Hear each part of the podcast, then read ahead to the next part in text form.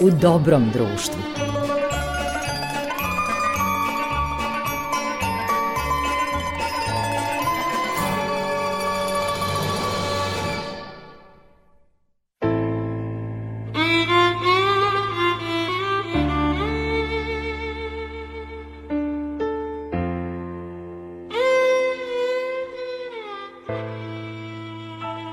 Poštovani slušalci, dobrodošli u novo izdanje emisije U dobrom društvu.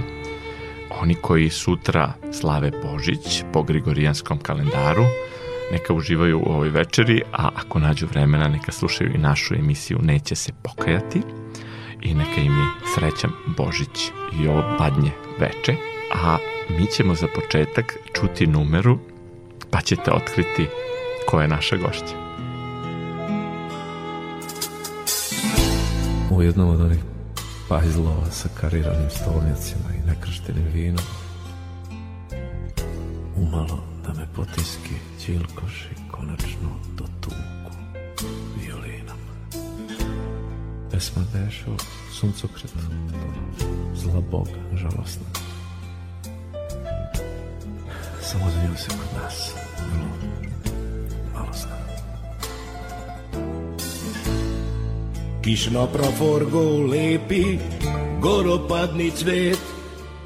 O da, Zbog kog se sunce s neba spustilo na svet. Da sazna što u sene glavu okrene. Da sazna kom se sveti Kad ne gleda za njime Ko svi drugi Сонцокреті голубої чудні.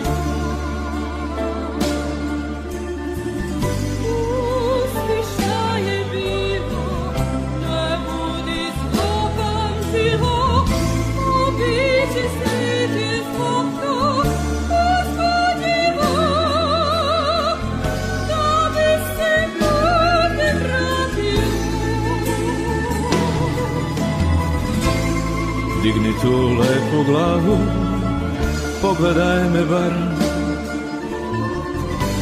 U suzici što blista Čuda se trista vide. Tvoja je sreća samo tvoja stvar. Al zato tvoja tuga To je već priča druga. To na moj račun ide.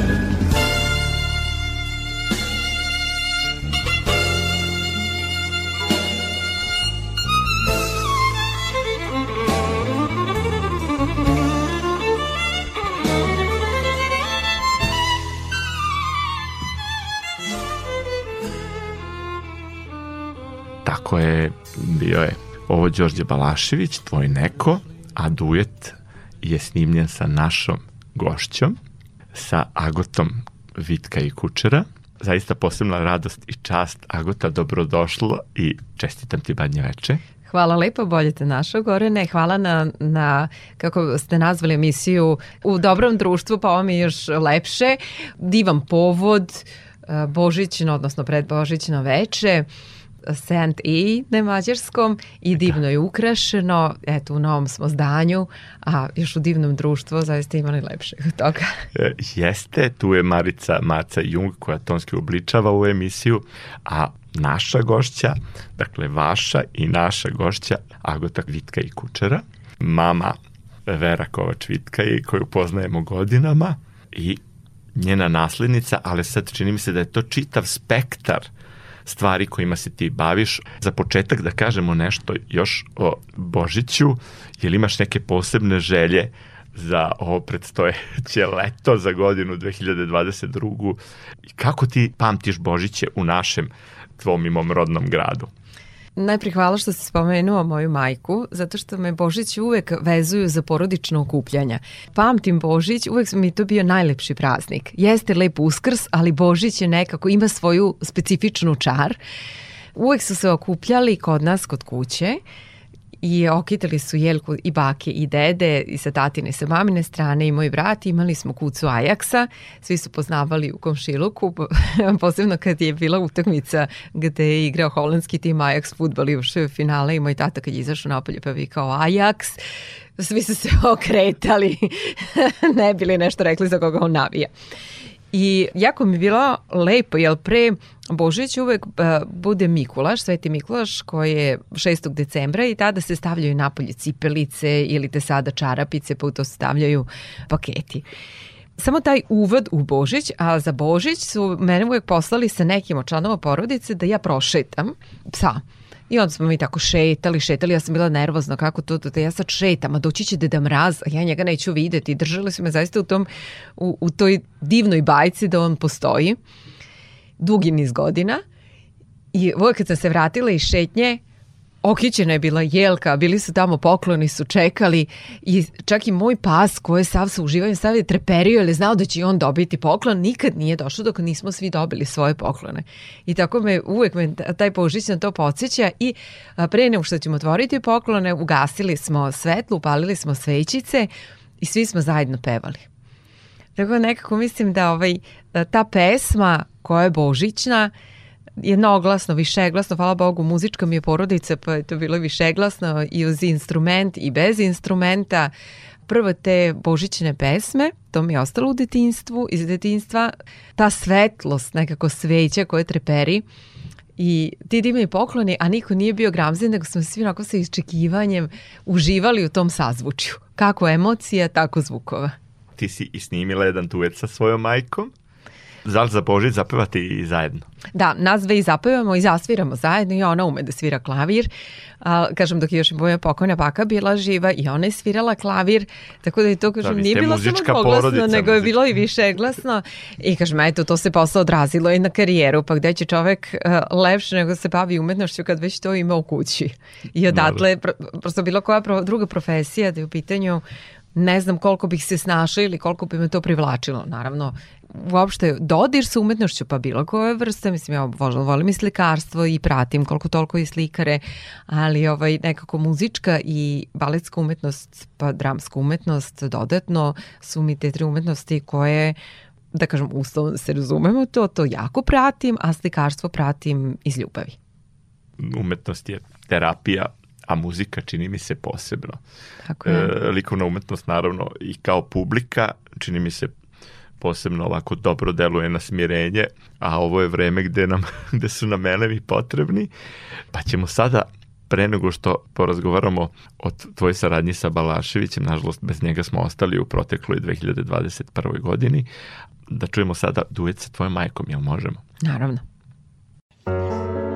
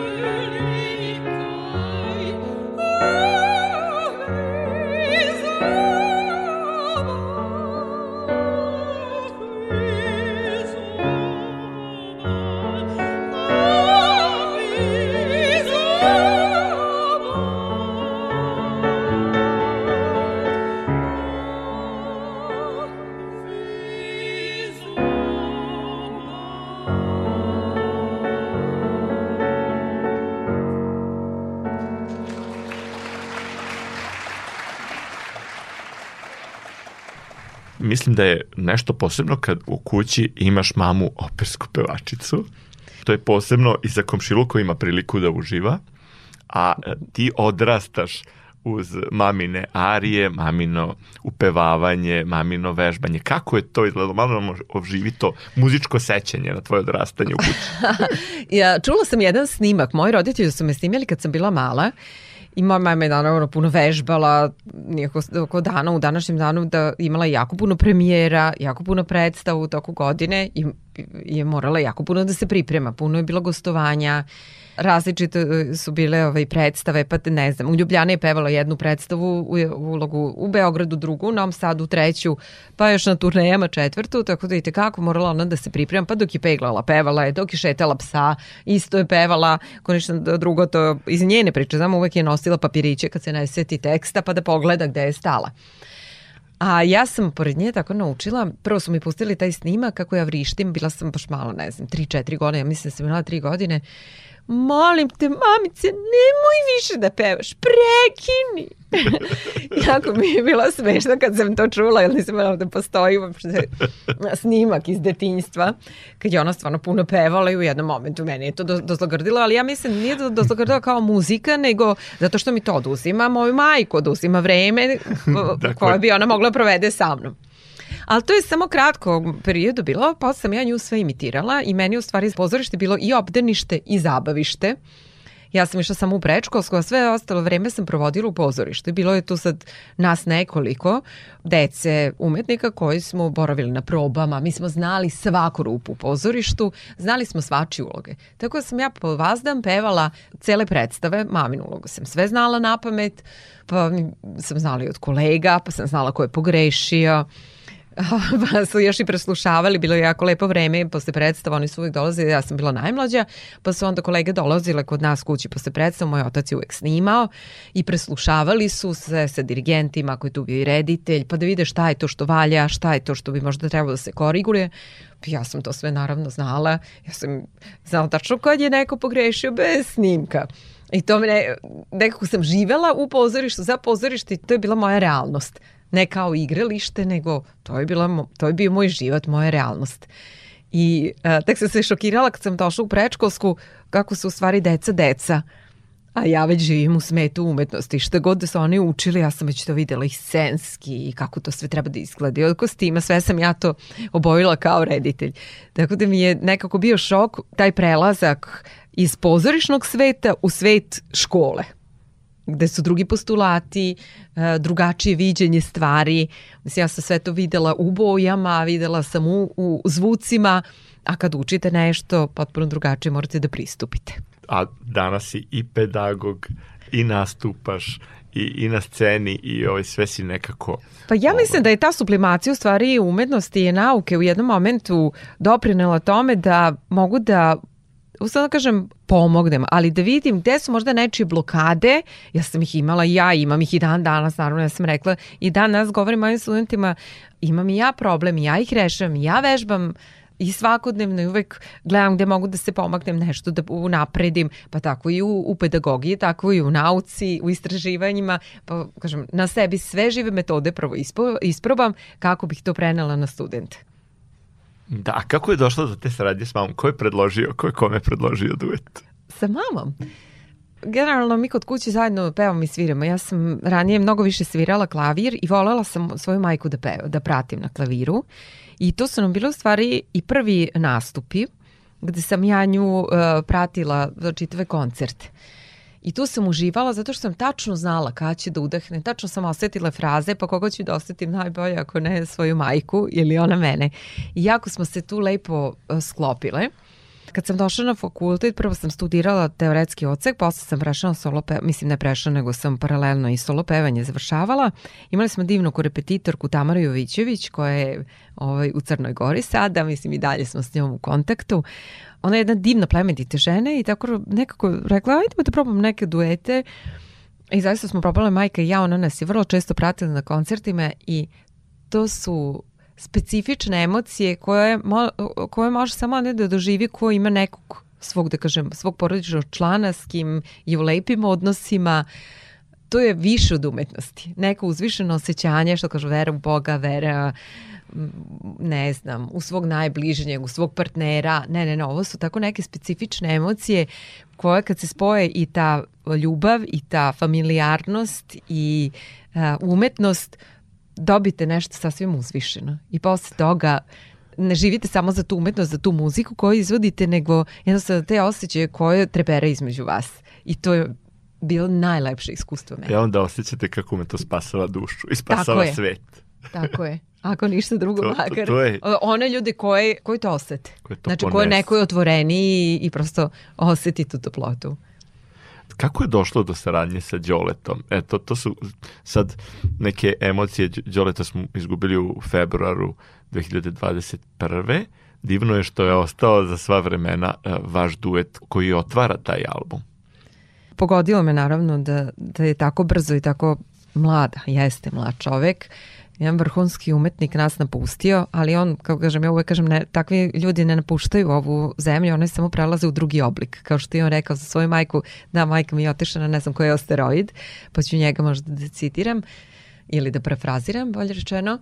Tako i on otišao negde ne, na neki drugi asteroid i tu on živi među nama i svi mi pevamo njegove pesme, poznajemo njegove pesme. E, Do sranja je došla sasvim slučajno, ja sam poznao, ili nije slučajno, skažu ništa. On je nama živeo u komšiluku i još uvijek živi, šetali, su, šetali smo i pse zajedno, i moji roditelji, dobro smo se poznavali ovako kao komšije.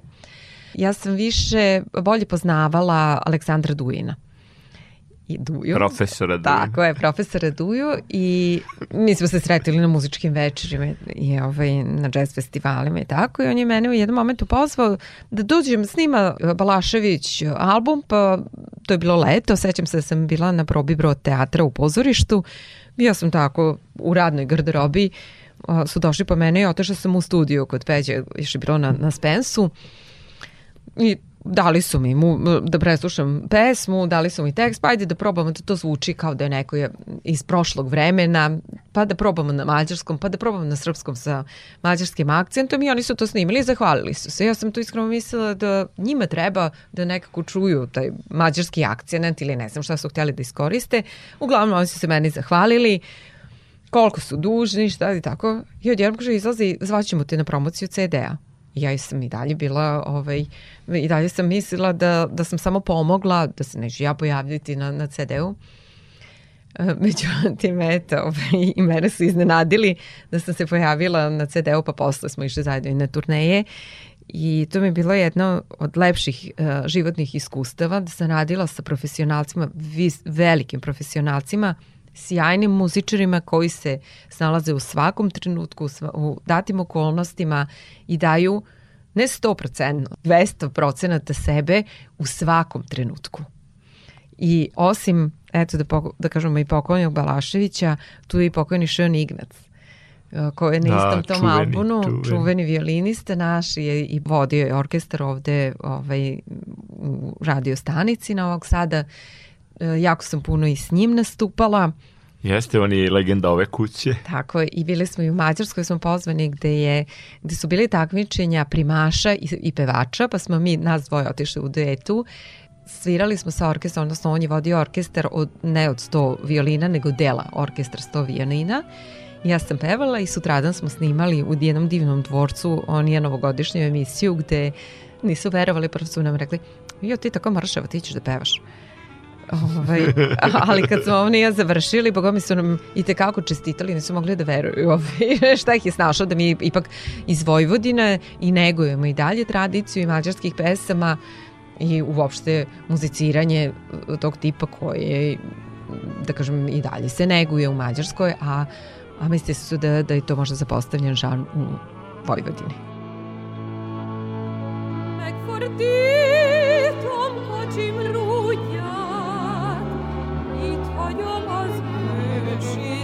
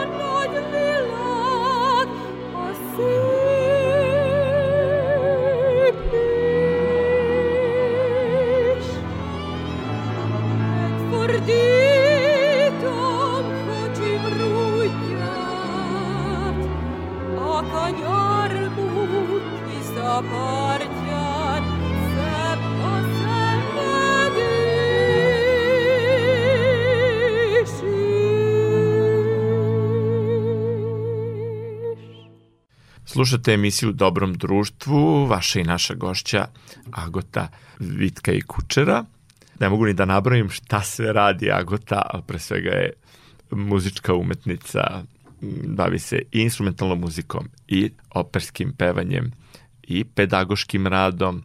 Profesor je na Akademiji umetnosti u Novom Sadu, tehnike glasa, nekada je tu bila stručni saradnik, je li tako?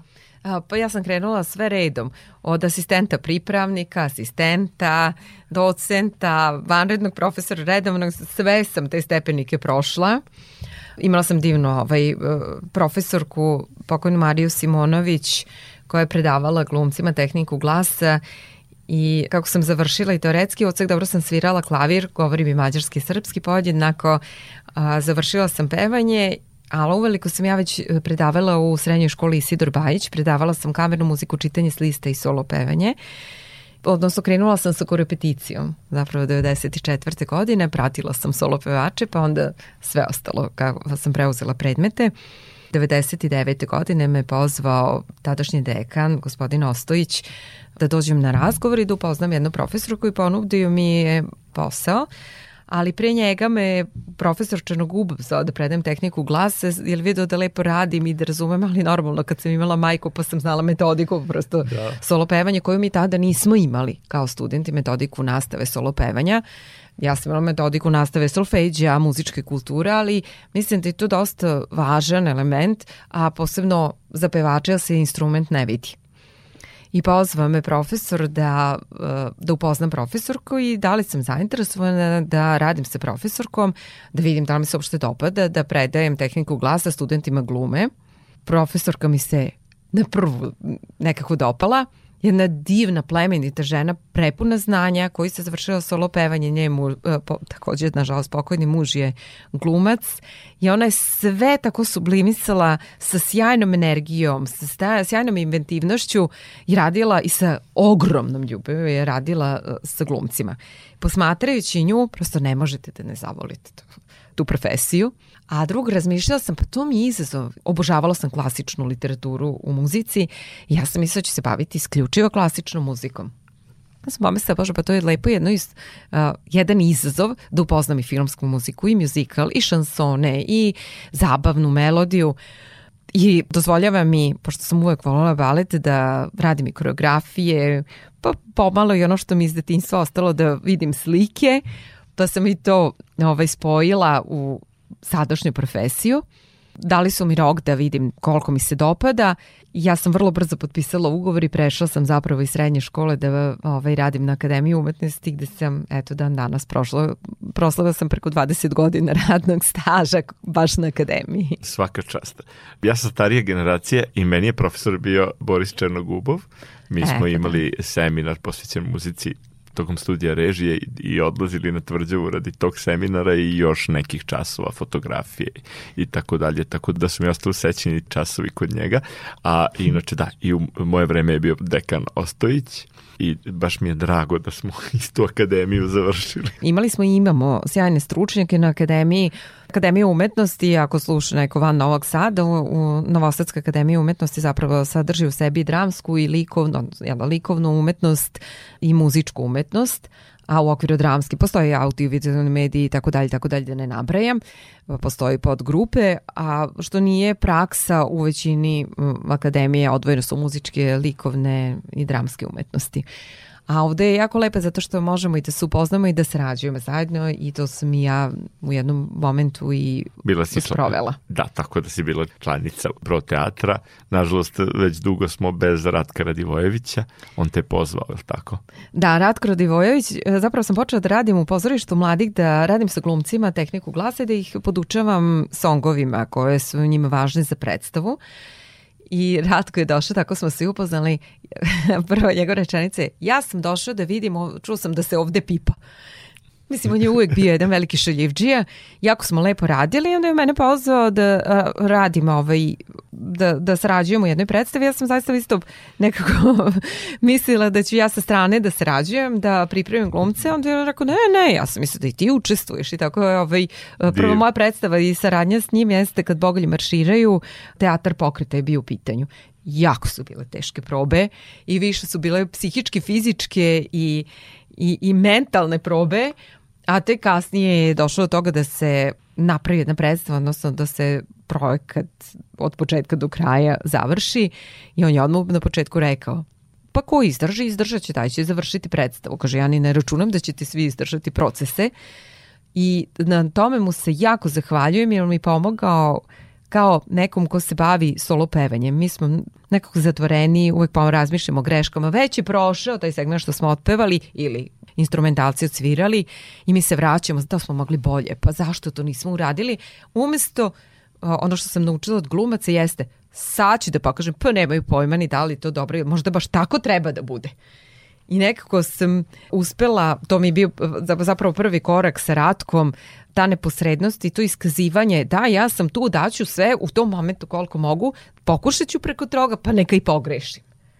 I na tome je on naučio i onda sam tek shvatila u stvari šta mene blokira dok pevam. Naravno sam imala blokade straha od nastupa, šta će ko reći, da li to dobro nije, silna analiza, stvarno je dovela do paralize u jednom momentu. Ja sam si povukla sa te pevačke scene, ali eto, sudbina ipak da, ali divno jedno iskustvo. vodi dalje. Divno jedno iskustvo. A kaži mi, pošto sad, to su sad čitave generacije glumaca koje si ti upoznala, sa kojima si sarađivala, kakva tu iskustva nosiš, koliko su spremni za saradnju, koliko si ti na neki način naučila od njih učeći njih? Jako puno to je nekako, kad, kad neko posmatra da dođe iza katedre pa misli da ja sad najbolje znam nešto, nije tačno uvek postoje rupe, ne možemo sve znati, nismo enciklopedija, nismo ukucam Wikipedija, ja uvek kažem ne znam sve, ja ću pokušati maksimalno da pružim onoga što ja znam.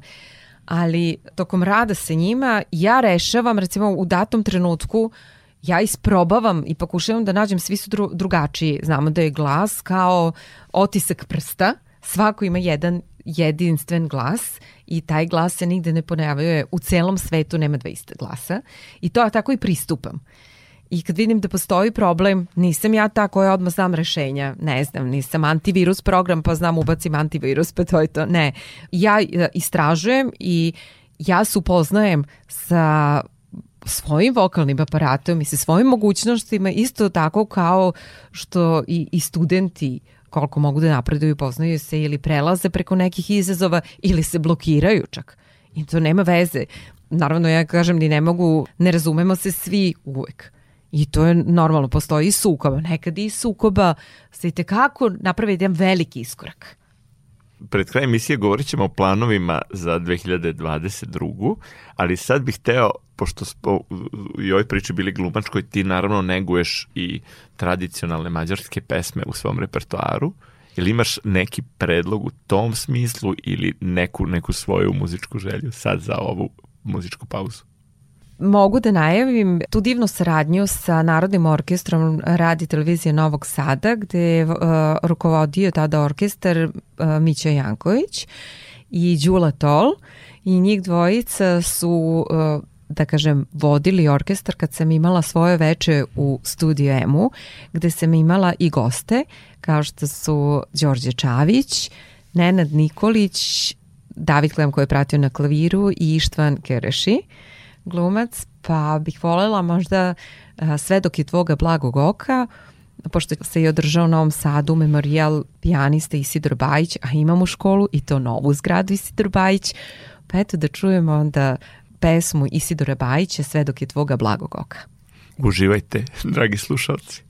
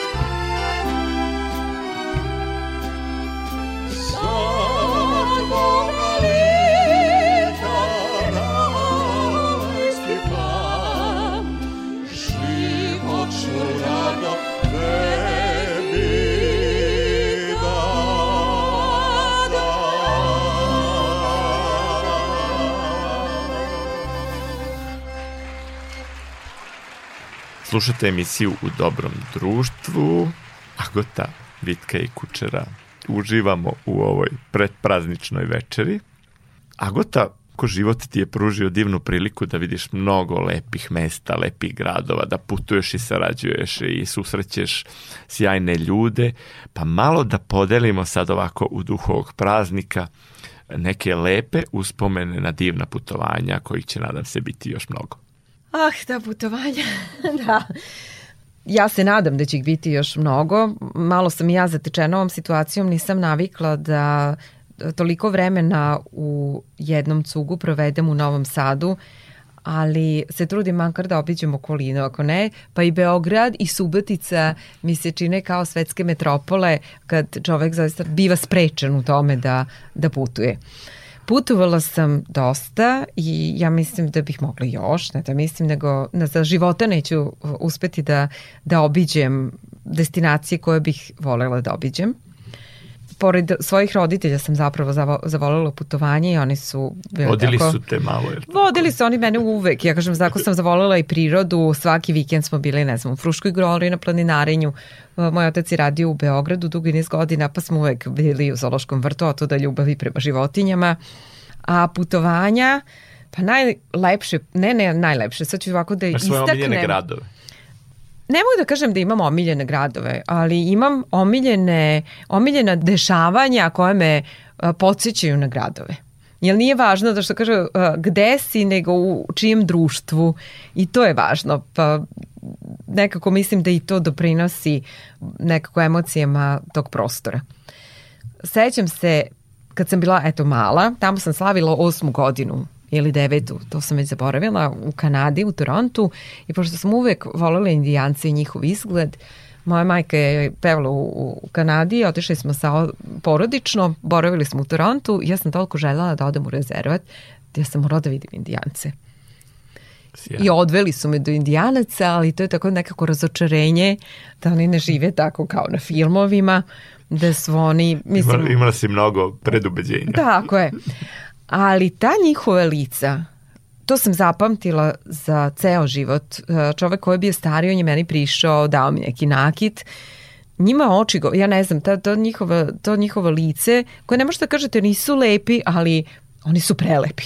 Jesu mudri i produhovljeni. Ja mislim da su oni, da, da zaista jesu mudri i produhovljeni. Ja se sećam kao mala da sam ja njega videla, ja sam njega zamrzla i on je bio meni i ostao ta poglavica glavna. Sa onom divom, nom perjanicom na glavi. Nije čak ni imao perjanicu, ali jeste imao dugu kosu, nego te dubokije pore da u licu i taj duboki izraz kada si pogledao, ja nisam razumela tada engleski ili ono što sam razumela, to je bilo stvarno smešno ali ovaj, sećam ga se jako dobro i dan danas. I onda kad sam pre dosta godina, harizma. da, pre dosta godina dobila tu knjigu od ekološkog pokreta, poslednje pismo poglavice, E da, ovaj, lepo da američkom i predsjedniku. sada. Tako je, kako neće, beli čovjek će imati sve, ali neće imati šta da jede, a sve će biti lepo kod njega. Shvatit će da se zlato ne jede. Tako je, da će biti toliko vode zagađene da neće moći da pije i tako dalje i tako dalje. A mi još uvek nismo svesni, ja bih volela svakom da poklonim takvu knjigu da imam, to je stvarno bilo A džepno to izdanje. postaje sve više naša realnost. Tačno.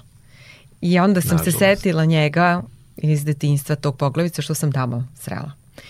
Nadalje, jedno divno putovanje u Egiptu. Egipat mi je nekako ostao naj, uh, najbliži srcu.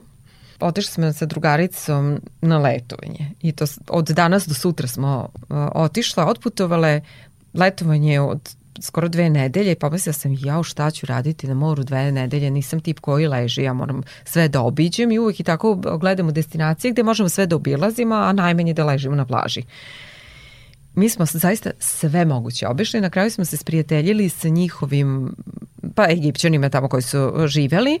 Oni su nas vodili celu ekipu i smo se svi združili nekako, ne, ne znam ja, jako je bila lepa ovaj, atmosfera i u hotelu i mi koji smo zajedno putovali preko te agencije, upoznali smo se, neki su bili sedmi, deveti put čak na istom mestu, pa su poznavali stanovnike tog mesta. Organizali smo i, i utakmice na plaži s njima, nešto nezaboravno, zaista kod, i kad vidite oni koji zarađuju po 10 evra mesečno, a daće vam srce. Neće reći, vidi, ne imam da ti kupim nešto, nego će se potruditi nekako da, da pokrije tu nemaštinu. Tako je. Sa osmehom, velikim osmehom ovaj, na licu i ogromnim srcem. Oni su iznajmili, znali su da odlazimo, iznajmili su brod samo za našu ekipu. Bio je brod dole providan da možemo da vidimo čare Crvenog mora, bez obzira što smo mi otišli drugarice i na ronjenje i na snorkling, sve svet. živo, tako je. I odveli su nas tamo gde turisti ne idu i ni ne znaju. Odveli su A nas usred najlepše. Crvenog mora, gde se otvori more. I onda sam pomislila, pa pošto su ono zapovesti će od Mojsija otvorio je more, pa to je zemlja. Mi smo usred Crvenog mora igrali futbal, igrali odbojku, nijedan brodić, us- ništa nije bilo, mi smo usred Crvenog mora bili na, na, na ostravu. I počne zalazak sunca, odjednom su izlazile božanstvene zvezde, smo hvatili raznorazne, ja nisam ni znala da postoji toliko vrsta zvezda, toliko vrsta rakova, Morske zvezde. tog, mo, da, tog morskog sveta božanstvenog. Kad je počeo zalazak sunca, tu smo dočekali, posle polako bila ovaj plima, pa je nestalo polako to ostrvo, mi smo otišli opet na brod, brodić, gde su nas dočekali s malim bananama, nikad u životu lepše banane, nisam jela male, preslatke, i vodili su nas u zaliv gde su svi delfini i izlaze samo na klasičnu muziku.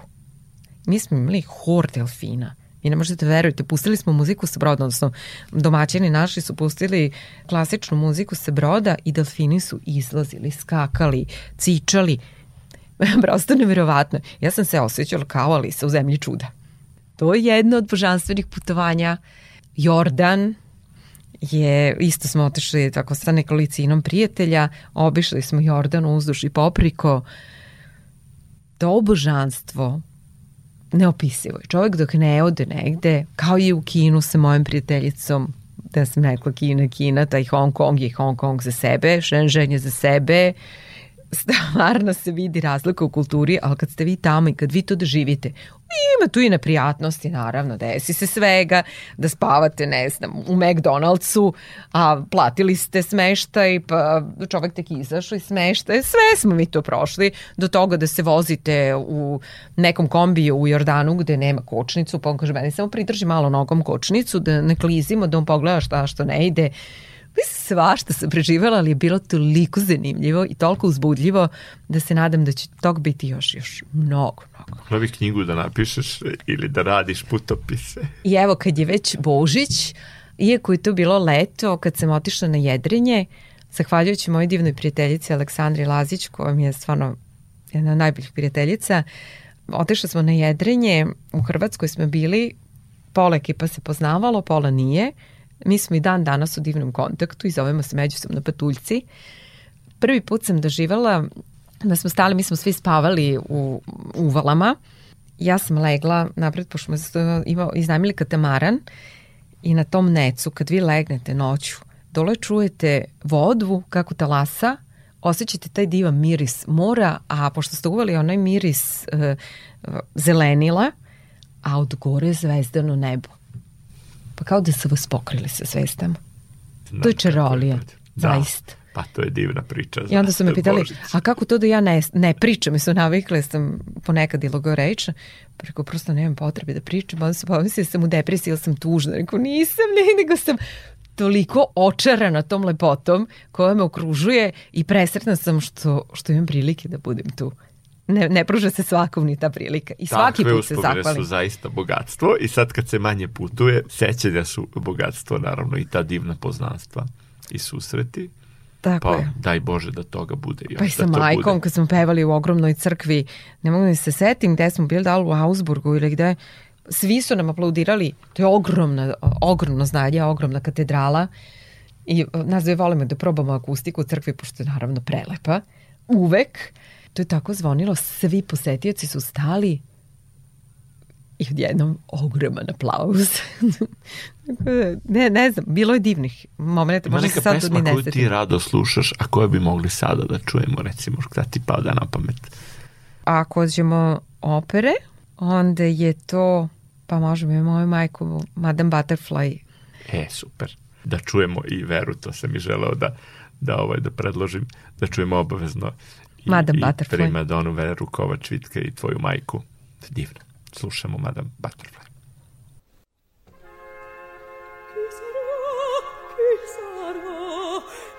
come sarà giunto che dirò che dirò chiamerà Butterfly dal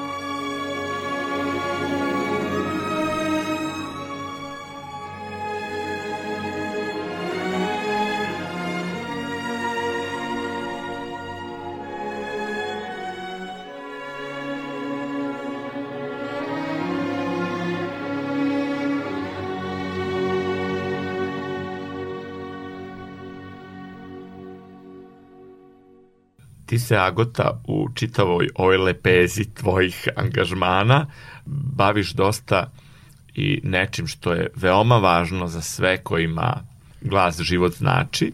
To su znači poremeća i bolesti glasnih žica, pa nešto da čujemo i o tom tvom angažmanu.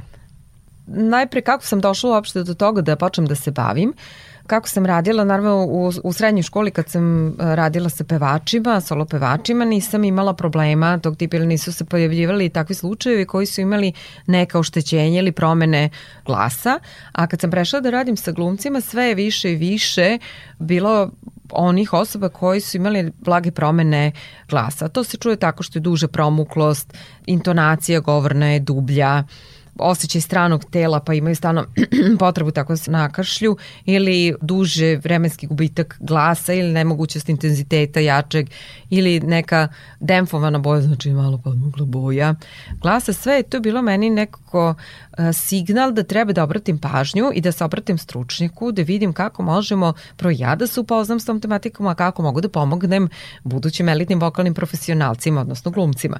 A kasnije već i svim onima kojima je glas važan za profesiju. Uvijek me je zanimalo kad sam bila student kod pokojnog Duška Majdevca, fonijatar nam je držao baš fonijatriju i koliko me zanimala tada fonijatrija nisam ni sanjala da ću to da doktoriram u jednom momentu, tu interdisciplinarnu sa fonijatrijom. On me vodio u svoju privatnu kliniku da pregledam, pa mi dao aparate da ja vidim kako to izgleda, kako izgledaju snimci i potpuno me fascinirao i poklonio mi neke knjige koje ja tada šta znam, učila sam za ispit, ali nikad mi nije toliko značilo do sve tog momenta dok nisam počela da radim. I otišla sam na kliniku, upoznam sam divnu profesorku Gordanu Mumović, koja je mi bila posle mentor na doktorskom radu, jedna fenomenalna žena, jedan sjajan stručnjak I zahvaljujući njoj se to i desilo da sam doktorirala, pošto rekla pa ako već nešto istražujemo, vidimo i ako već dolazite, bilo bi lepo da se to nekako i zaokruži i da to ima neki smisao. I stvarno smo onda odabrali da pregledamo sve moje studente, odabrali smo, imali smo i kontrolnu grupu njenih studenta medicine i odabrali smo one koji imaju promene na glasu i onda smo pokazivali kako sa vežbama može da se otklone određeno oštećenja.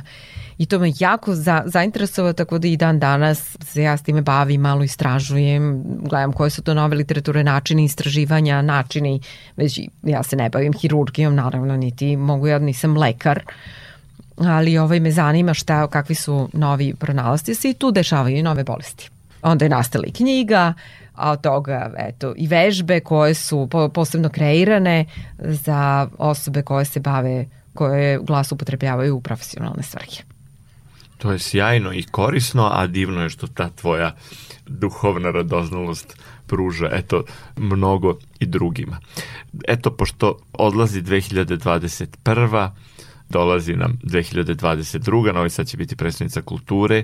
Ti si dosta angažovana na mnogo planova, pa nešto kratko da kažemo šta nas to očekuje s tvoje strane i šta je aktualno. Najpre bih htjela da spomenem jedan divan projekat e, koje, mislim, koleginica Jelena Simonović-Kovačević, pijaniskinja, inače docent na našoj akademiji umetnosti, i dr. Mila Milojković koji je pisao, e, takođe profesor kod nas na akademiji, on je napisao jednu knjigu, mi smo istraživale kompozicije naših autora vojvođanskih i došli smo na ideju da to pred, predložimo kao projekat i zove se Mikrokosmos Vojvodine gde pronalazim, istraživali smo, pronalazili smo solo pesme naših autora vojvođanskih kompozitora i uh, različitih naroda, odnosno nacionalnosti izvodimo te solo pesme na jezicima naroda.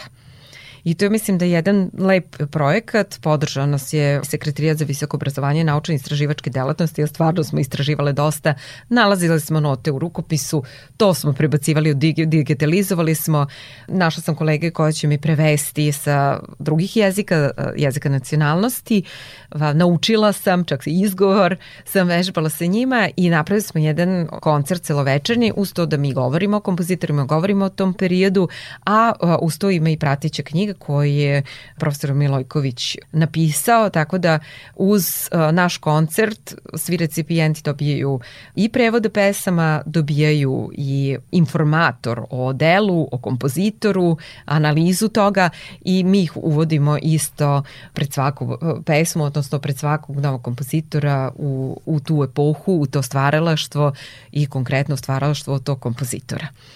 Imali smo već nekoliko koncerata, ali predstoji nam i u januaru, februaru, martu, pa da što više na što više mesta prezentujemo ono bogatstvo koje Vojvodina ima, a ima. I može da se takmičite kako sa, sa svetskim kompozitorima koji su pisali solo pesme.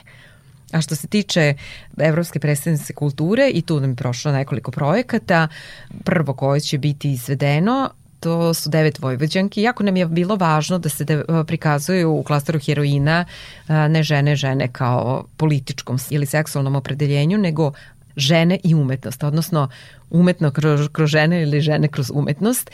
I opet smo obratile pažnju da, da istaknemo multikulturalnost koja je kod nas i tekako lepa i važna i pozvali smo devet različitih umetnosta iz različitih vidova, obla, iz različitih oblasti i ona će predstaviti kako svoju naciju, odnosno nacionalnost, svoj jezik, tako i umetnost kojom se bave.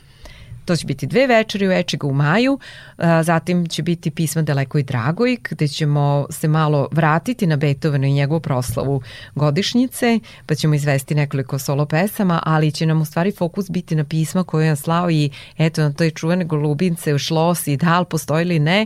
Divan tekst je pisao Mihajlo Vitezović, mlađi, mislim da će publika uživati, pošto se vraćamo iz ovog vremena, ulazimo, pravimo skokove iz doba iz kog je Beethoven i skok u, današnje vreme, a naše predstavljanje će završiti četiri eminentne glumice i to će biti kao četiri heroine, Milica Tomić, Milica Stojedinović, Marija Trandafil i Mileva Weinstein a glumici će biti Jasna Đuričić, Gordana Đorđević-Dimić, Elo Remina i Nataša Ninković.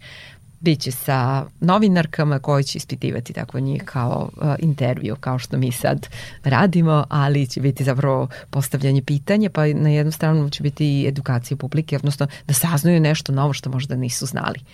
Sjajno, evo otkrili smo neke neke stvari koje nas čekaju u 2022. u Novom Sadu. A pošto je Božić, odnosno predbožićno, ja predlažem, ako će vam jedan od projekata biti pisma daleko i drago. U stvari, šta je to? Šta je fakat?